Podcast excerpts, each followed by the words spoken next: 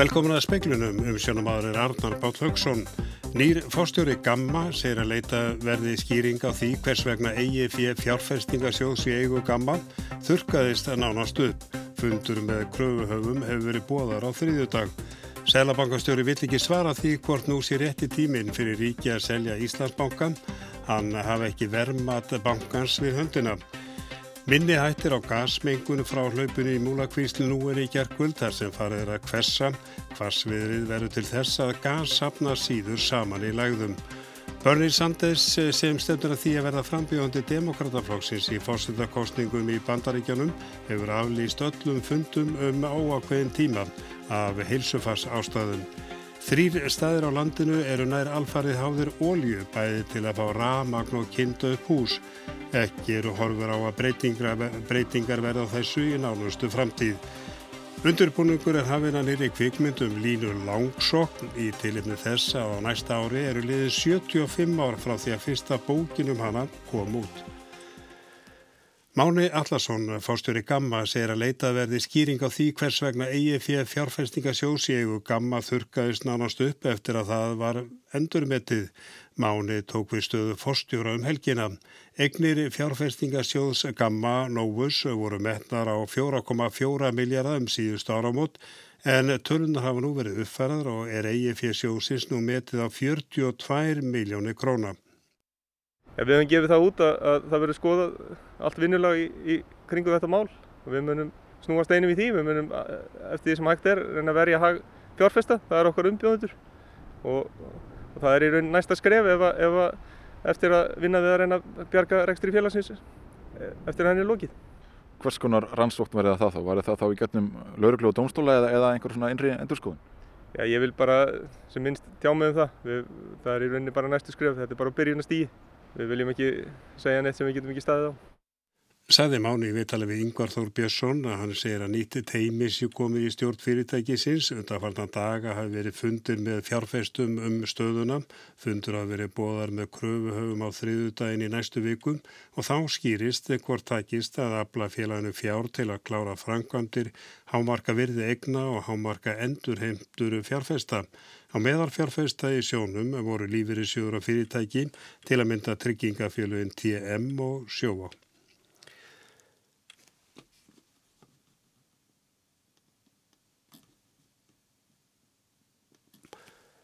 Áskeri Jónsson Selabankastjóri vil ekki svara því hvort nú sé rétti tímin fyrir ríki að selja Íslandsbanka. Hann hafi ekki vermat bankans við höndina. Alma Ómarsdóttir fjettamæður rætti við Selabankastjóri í dag. Það hefur verið mikið rætt um sölu Íslandsbanka núna í tengslum við fjármögnun uh, samgöngu áallunar sem var samþýtt á dögunum. Hvernig höfnast þér sala Íslandsbanka á þessari stundu bara með hver hagkerfið er stætt í dag? Ég veit það ekki. Veldur eitthvað lítið á þannig að eigandan hvernig hvernig hann vil selja sem er ríkið. Veldur að selja þegar meira hafastur en hitt en þetta er eitthvað lítið bara ákvörðun sem eigandin verður að taka. Hvernig hann vil nýta fjármunni annað? Það eru tölur miklu peninga bundnir í bankana svo þetta er eitthvað spurningu um það hvernig vil ríkisvöldi nýta þessa peninga vil hann áfram þarna eða, eða hann nýta á því eitthvað annað Er eitthvað hægt á því að eh, bankin fari þá eh, á læra verði heldur en öll að fyrst að það er svona samdráttur í hafkjörnum? Það er átt að gera sér þarna þannig grein fyrir því nákvæmlega. Það er átt fyrir mig að tjá mjög um það og ég hef ekki gert verðmæntu bankanum þannig sko. Segir Áskir Jónsson. Boris Jónsson, Jónsson fórsættist að það Breitlands kynnti síti í snýja tilugu bresku stjórnarinnar um totla eftirlit á Írlandi sem hann telur að geri eftirlitið óþart á landamærum Írska líðveldisins og Norður Írlands. Hann leggur til að vöru sem senda á þar á milli verði totla afgreitar hjá sendandunum. Þannig verði Norður Írland í raun áfram hluti af innri markaði Evrópusambansins þrátt fyrir að breytar segi sig úr því. Sankvæmt hugmyndum stjórnarinnar þar þingið á Norður Írlanda samþykja tilhuguna og fá þessa tilhugun til umfjöllunar á fjögur ára fresti. Nánar verður fjallagum tilhugur Boris Johnsons síðar í speklinum. Bernie Sanders sem stefnir að því að verða frambjöðandi demokrataflokksins í fórsveitakostningum í bandaríkjanum næsta haust hefur aflýst öllum fundum um óákveðin tíma af heilsufass ástæðum. Hann hefur verið lagður inn á sjúkrahús þar sem hann gegst undir hjarta aðgerð. Bernie Sanders er 78 ára, elstur þeirra sem sækjast eftir að verða fórseta frambjóðandi demokrata. Hann kvartaði yfir verk í brjósti á kostningafundi í Las Vegas í gerkvöld og gegst þegar í staðundir lekniskóðun. Á fréttavef BBC segir að grætt hafi verið í hann tvö stóðunett vegna stíplu í slagæð. Sanders hefur samkvæmt skoðanakonunum orðið vel ágengt í baróttinu um útnefningu fórsetaframbóðs. Hann tilkynnti nýlega að sapnast hefðu yfir 25 miljónir dollara í kostningasjóð hans. Bernie Sanders hefur átt sæti á bandaríkjaþingi frá 1991. Hann situr þar sem óháður vinstrimadur með tengsl við þingflokk demokrata. Keppinautar Sanders um að berjast við Donald Trump í kostningunum næsta haust hafa í dag sendt honum óskýrum skjótan bata. Joe Biden, sem hefur mest fylgi um þessara mundir, hvaðst þess fullviss að hann er því fljótlega komin í slægin á ný. Því triðu allir sem vissu hvaða uppbyggju innra með honum. Áskir Tómasson saði frá. Minni hættir á gasmengunum frá hlaupunni í Múlakvíslu enn í gerðkvöld þar sem farið er að kvessa hvassviðrið verður til þess að gas sapna síður í lagðum. Lítið hlaupir í áni og var þeim tilmælum beinti fólksi í gerkvöld og í morgun að fara varlega vegna gasmengunar og yfirgefa svæði strax verði það vart við enginni svo sem sviða í nefið augum. Rafleginni í múlakvísli mingaði nóttu mikið vatnir í áni með ástíma. Það er þó minna en hámars sumarrensli að því er segir í tilkynningu á veðustofu Íslands hlaupa af þessari starðagráðum er vel þekkt í múlakvísl. Líklegt er að hlaupi standi nokkra daga til viðbútar viðstofan almannavarnir og viðbragslið á Suðurlandi fylgjast náið með framvindunni næstu daga. Vinnumálastofnunum bárust þrjár tilkynningar um hóp uppsagnir í september. 234 starfsmönnum var sagt upp í þessum þremur hóp uppsagnum. Þetta kemur fram í tilkynningu á vef Vinnumálastofnunar. 102 var sagt upp hjá Arjón banka, 87 flugmunum hjá Æslandir og öllum starfsmunum 45 talsins hjá fiskverkunarfyrirtækinu Ísfiski á Agranesi. Flestar uppsagnirnar taka gildi á tímabilinu november 2019 til mæ 2020. Frá janúar og út september hefur 941 verið sagt upp í hópuppsögn. Flestir unnu við flutninga 540, næst kemur fjármálastarðsemi þar sem 102 var sagt upp. Uppsagnir flokkast sem hópuppsagnir ef tíu starfsmönnum eða fleirum er sagt upp í fyrirtækjum sem hafa 20 til 100 starfsmenn. Hjá fyrirtækjum með færri en 300 starfsmenn í vinnu en fleiri en 100 flokkast það sem hópuppsögn ef að minnstakosti 10% starfsmanna er sagt upp. Hjá fyrirtækjum þar sem starfa 300 eða fleiri telsta hópuppsögn ef 30 eða fleirum er sagt upp á 30 daga tímabili. Dagni Hulda Erlendstóttir sagði frá. Bandaríska loftferða eftirlitið fyrir skipaði dag að allar þótur að gerðinni Boeing 737NG skildu tekna til skoðunar eftir að sprunga fannst í burðarverki þótur sem verið var að breyta á vegum Boeing í Kína.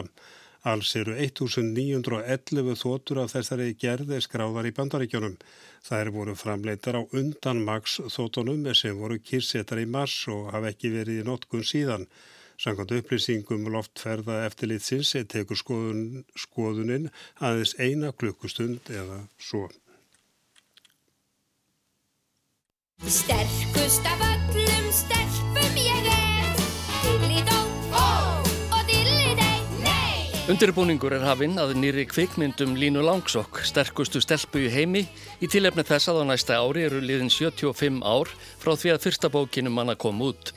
Þrjú fyrirtæki, Studiokanal, Heyday Films og Astrid Lindgren Company saminast um gerð myndarinnar. Tvö þau fyrirnemdu stóðu að kvikmyndunum um eh, Paddington og Heyday tók þátt í gerð myndana um Harry Potter og ímisa fleiri. Nils Líman, barnabarn Astrid Lindgren, segir í tilkynningu um nýju myndina að tekist hafið að finna teimi sem skilji og kunni að meta kimnina og hinn undirliggjandi tón í bókonum um línu.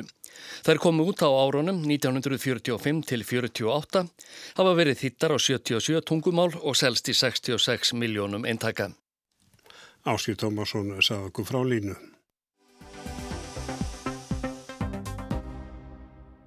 Aðeins örf á heimil á Íslandi nota ólíu til kyndingar. Ólíja er alfari notu á þremur stöðum á landinu, í Flati á Breiðaferði, í Grímsei og á Grímstöðum á Fjöllum.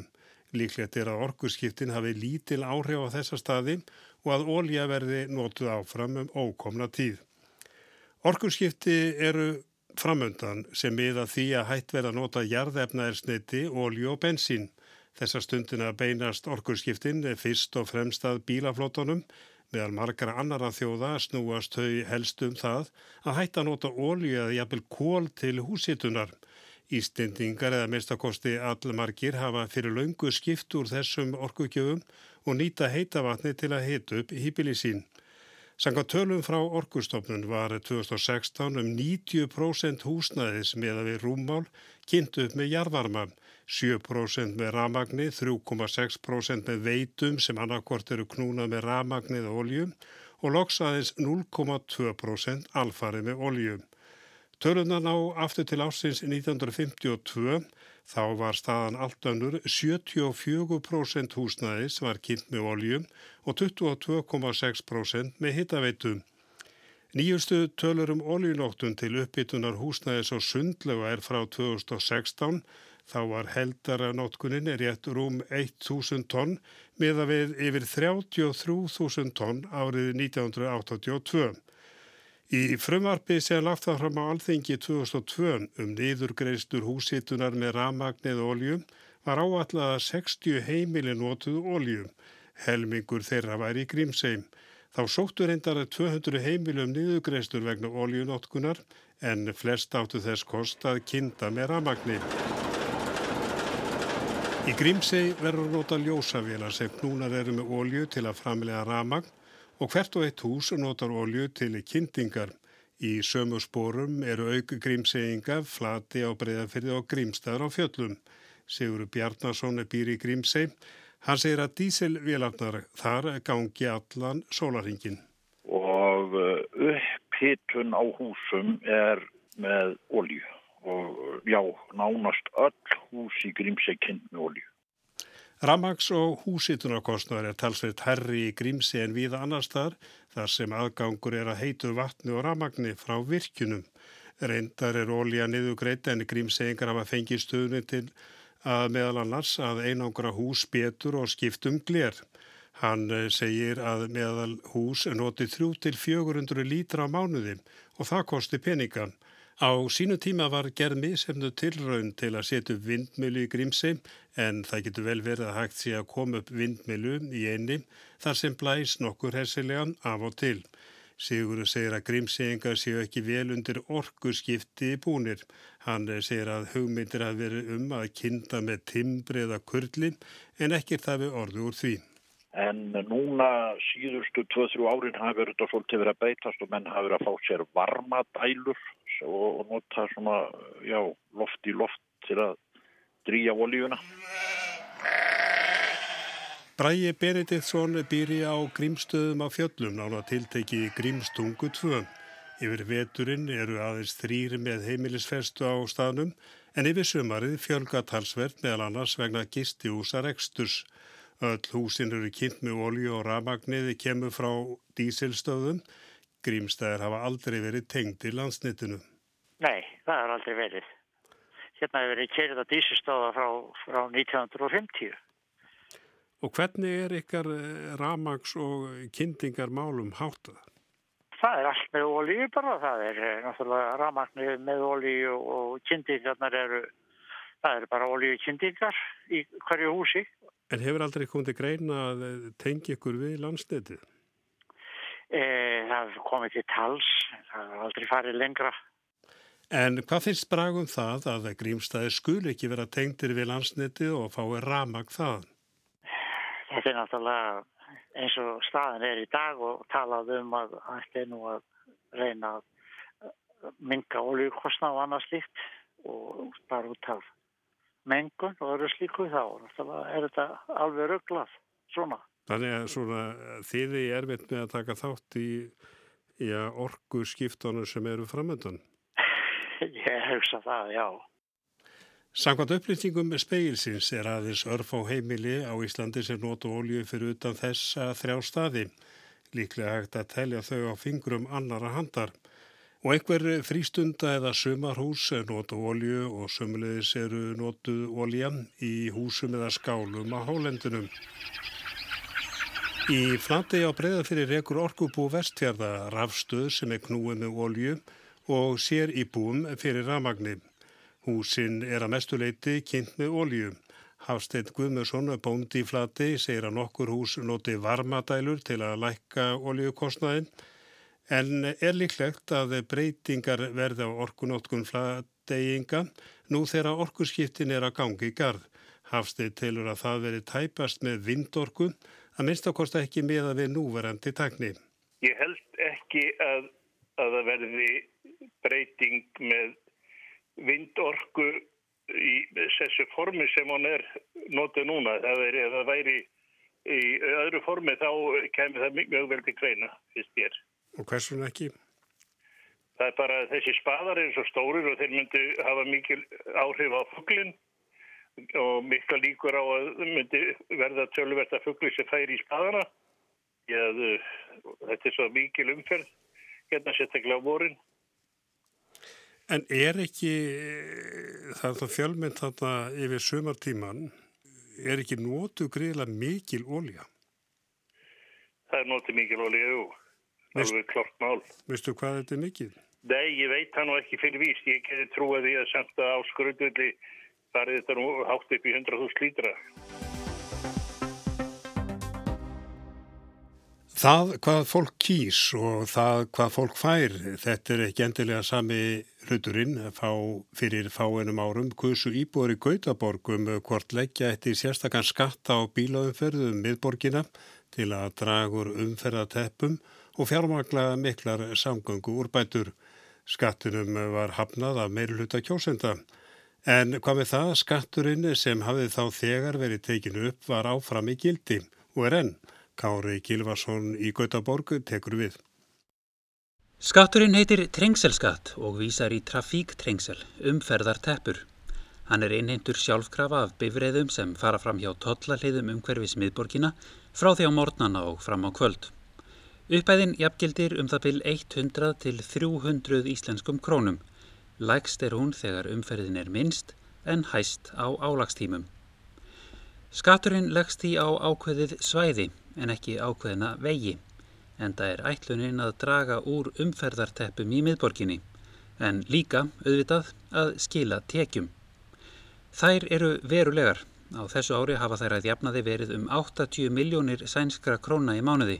Það jafngildir um einum miljardi íslenskra króna. Tekjurnar á að nota til umfangsmikilla framkvæmda í samgöngumálum sem ganga undir nafninu Vestsvenska paketet, vestur sænski pakkin. Það á að byggja nýja brú yfir Gautelfur, göng undir hana og nýja neðanjarðarlesti í gegnum Gautaborg. Það á að endurbyggja stór svæði í miðbænum, leggja nýja hjólastíga og bæta almenningssamgöngur þannig að farþegafjöldi tvöfaldist milli áruna 2006 og 2025. Þetta kostar sitt. Teppuskatturinn á að skila 40% af kostnaðinum sem er um 14 miljardar sænskra króna á verðgildi ársins 2009. Það er um 350 miljardar íslenskra króna að núverði. En svo leggur sænska ríki til rúmlega helminga móti og þar sem mikil þörf var talin á framkvæmdunum náðist samkominlega millir ríkis og fullrúa borgarbúa í Gautaborg og skatturum var tekin upp 1. janúar 2013. Þá hafði viðlíka skattur þegar verið lagður á bílaumferði í miðborg Stokkólms frá árunu 2006. En í Gautaborg voru borgarbúar ekki á eitt sáttir. Andstæðingar umferðarteppu skattsins stopnuði meðal annars flokk um málið, vegvalið, sem fekk þó ekki mikið fylgi í kostningum.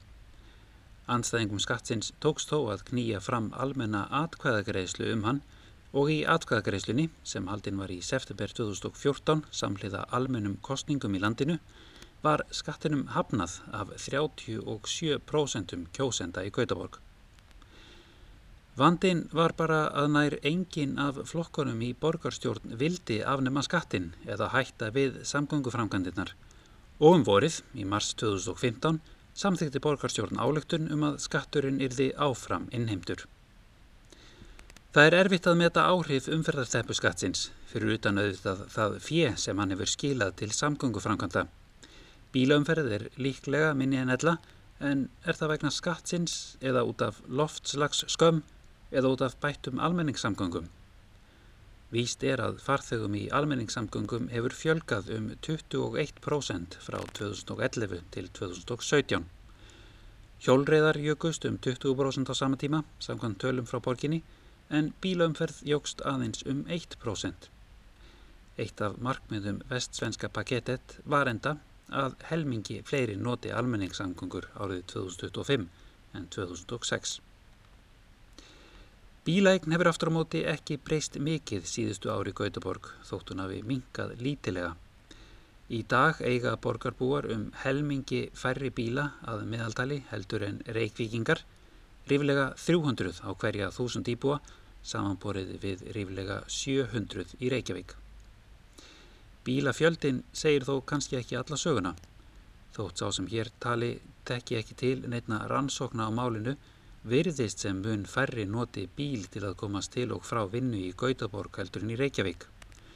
Sporvagnar og strætóar aga títt og eru yfirfullir af fólki á mornana og síðdeis og við íbúagötur í borginni virðast flestir bílar standa í stæðum sínum yfir daginn. Margir virðast aðalega nota bílinn til að erindast eða fara í ferðalög, stutt og löng, frekar en að aga til og frá vinnu. Það er ekki lengur deilt um umferðartæpuskattin, að minnstakosti ekki í ofinbæri umræðu, korki í Gautaborg nýja Stokkólmi. En það getur verið þungt fyrir fólk sem vill aka til vinnu í miðborginni eða úr miðborginni að borga jafnverðu um 600 íslenskra króna á dag í tæpuskattin. Framkvæmdirnar sem skattinum er ætlað að fjármagna, þær eru heldur ekki óumdeldar og standa nú sem hæst. Umdeldast er ný leið fyrir lest neðanjarðar sem verið er að leggja í gegnum borgina og nokkrar lestarstöðvar sem einning verða neðanjarðar. Það er verið að sprengja, grafa, fella æfakumul 3 og margir spurja hvers þau eiga að gjelda og hvort það væri ekki betra að nota peningarna í skólana eða heilbreyðiskerfið. Andstæðan við neðanjarðarrestina varð mönnum tilefni til að stopna stjórnmálaflokk og bjóða fram rétt eins og þegar taka átti upp umferðarteppuskattin nokkrum árum áður. En nú í kostningunum síðastu haust náði nýjiflokkurinn, demokraterni, mun betri árangri, 17% atkvæða og stjórn jafnaðarmanna rökklaðist frá völdum eftir 24 ára valdatíf. Menn voru nú vongóður um að ná markmiði sínu að stöðva lestarframkvæmdirnar en vandin var bara að engin hinna flokkana var á sama máli og því engin leið fyrir demokratana að komast í stjórn eða koma baróttumáli sín í gegn. Því var það úr, rétt eins og nokkrum árum fyrr, að það var bara haldið áfram, sangkvæmt áallun. Kári Gílvason, Gautaborg.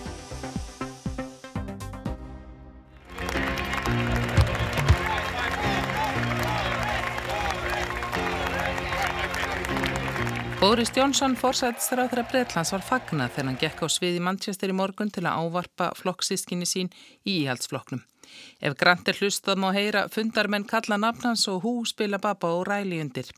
Í gerðkvöld kvisaðist það út að Johnson myndi í dag leggja fram loka tilbóðsi til Evropasambandsins um hvernig því skuli hátta þegar brettar ganga úr því og drífum Brexit af var vissulega leiðarstef í ræðu Johnsons.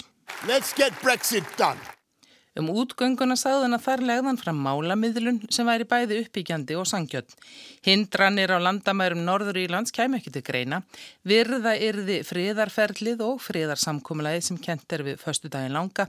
Á Írlandi öllu skildi sama regluverk gilda um landbúnað og þess er það gæta ríkjandi regluverki um viðskiptu og landbúnað millir Írlands og Norður Írlands. Norður Írlandi er það vissanátt innan markaðsvæðis Evrópusambandsins en utan tollbandalags og þetta er að gerast með samþykki stjórnvalda á Norður Írlandi sem skildu kjósun þetta á fjögur ára fresti.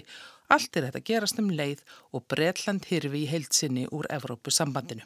We will protect our precious union between Great Britain and Northern Ireland. And Þið dýrmæta samband millir Stóra Breitlands og Norður Írlands er það verja. Þarna sagðist Bóris Jónsson ber á borð málamiðlun. Hann vonaðist til þess að henni yrði mætt með málamiðlun af hálfu ESB. Ef ekki næðist samkomalag um það sem í raun væru tæknilegar útferslur á tollgæslu þar sem tækninni flegði stöðuð fram, þá lék ekki nokkur vafa á því að brettar færu úr Evrópusambandinu án samnings. Það var ekki það sem hann kísu en væri samt tilbúinir til að gera. Fyrstu viðbröð Leos Varadkars forsættisar á þeirra Írlands voru ekki mjög jákvæð, hann saðist ekki sjá að þarna væri grundvöldur fyrir samkominlagi. Viðbröðin handan Ermarsönds hafa verið þau að tillögur Johnsons verði skoðaðar af hlutlækni. Johnson ítrekkaði brefi til Sjans-Klóts Junkers að fórseta framkvæmda stjórnar Evropasambandsins, vilja sinn og stjórnarinnar til að ná samkómulagi og sagði að það síndi skort á stjórnkænsku allra hlutægandi ef ekki tækist samkómulag og tíminn væri knappur. Þó að ekki sé hægt að segja að fyrstu viðbröð við yfirlýsingum Johnson séu fölskvalus gleði, telja stjórnmálaskýrendur að stuðningur írska sambandsflokksins geti miklu skipt og orði til að sigra íhalsmenn sem höfnuðu samningnum sem Theresa May forverið Johnsons lagði fram. Yfirskrift flokkstingsins í Manchester og marg endur tekið leiðarstef var það kláraskuli Brexit. Hann vísaði til þess að kjósendur og landsmenn væru orðin langþreyttir á rúmlega þryggjára þófi. After three and a half years, people are beginning to feel that they are being taken for fools. And they're beginning to suspect that there are forces in this country that simply don't want Brexit delivered at all. Kjósendum líði eins og þeir séu hafður af fýblum og þá sé farið að gruna að verki séu öll sem vilji alls ekki af Brexit verði. Ef það verður ofan á, segir Johnson, eru þau afleðingar þess fyrir tröst almennings á líðræði landinu graf alvarlegar og hann gaggrindi líka breska þingið sem stæði vegi fyrir Brexit, kostningum og öllu uppbyggilegu yfir höfuð. If Parliament were a laptop then the screen would be showing, I'm afraid, the pizza wheel of doom. Ef þingið væri fartölva sagðan þá blasti við merki þess að hún væri frosinn og réð ekki við verkefnin. Breskum kjósendum líð á stundum þannig eins og þeir hafi meiri stjórn yfir því hverju sjáist í raunveruleika þáttum í sjómarpinu þeir væru líkast tilbúinir að senda alla lögjafa samkunduna heim. En þá hefðu áhörundur líkast til geta skemmt sér við að fylgjast með þingfórsetanum borða kengureista og Johnson lagði áherslu á ást sín á Evrópu. This is not an anti-European party. This is not an anti-European country. We are European. We love Europe. I love Europe anyway. Johnson sagði Brexit ekki snúst um það að vera móti Evrópu. Það væri kvorki flokkur hans nýja landi sjálft. Breitland væri í Evrópu og hann sjálfur að minnstakosti elskaði Evrópu. En fyrir utan talum Brexit þá að ræða hans að mörguleiti eins og hefðbundin ræða flokksleitua sem eru á leiðikostningar. Johnson ítrekkaði það að íhaldsmenn stæðu vörðum heilbriðistjónustuna í landinu einmitt vegna þess að þeir triðu á kapitalismann og samspil almanna þjónust og frumkvöðla. Tryggja þyrti, tækifæri allra breyta væru jöfn, byggja þyrt upp innviði, samgöngur og mentun og það veri stjórn hans staðraðun í því að fjölga í lauruglinum 20.000 manns ráðast gegn gengjum sem dreifa fíknefnum út frá stórborgunum með því að nýðast á viðkvæmum ungmennum og tæla þau til fylgilags. Og þegar stjórnar anstaðan loks fjallist á og kosið er það nýju, legði stjórnin verk sín í dóm kjósanda og það virtist hann ekki óttast. Hann eitti samt töluverðu púðri í að gaggrina Jeremy Corbyn leði tóa verkamannflokksins og afstöðu Corbyns til hernaðar, innflytjenda og skattlagningar og auðtaríkismála. Ekki síst myndi Corbyn vilja slíta Breitlandi í sundur. En brettar þyrtu að trúa á máttsinn og megin, muna hvað þeir hefðu áður áunnið. Þeir hefðu fyllt eftir umdeildum hugmyndum, haft hugrekki til að breytta upp á nýjungum, gera hlutina öðruvísi en áður var. Og að hófsemt og skinnsemi skildu skattlækandi íhaldsmennstjórn stjórna og senda Corbyn út í geim ef ekki bókstaflega. With sensible, moderate, one nation but tax-cutting conservative government and figuratively, figuratively if not literally, let us send Jeremy Corbyn, Corbyn into orbit where he belongs. Conference, let's get Brexit done and let's bring this country together.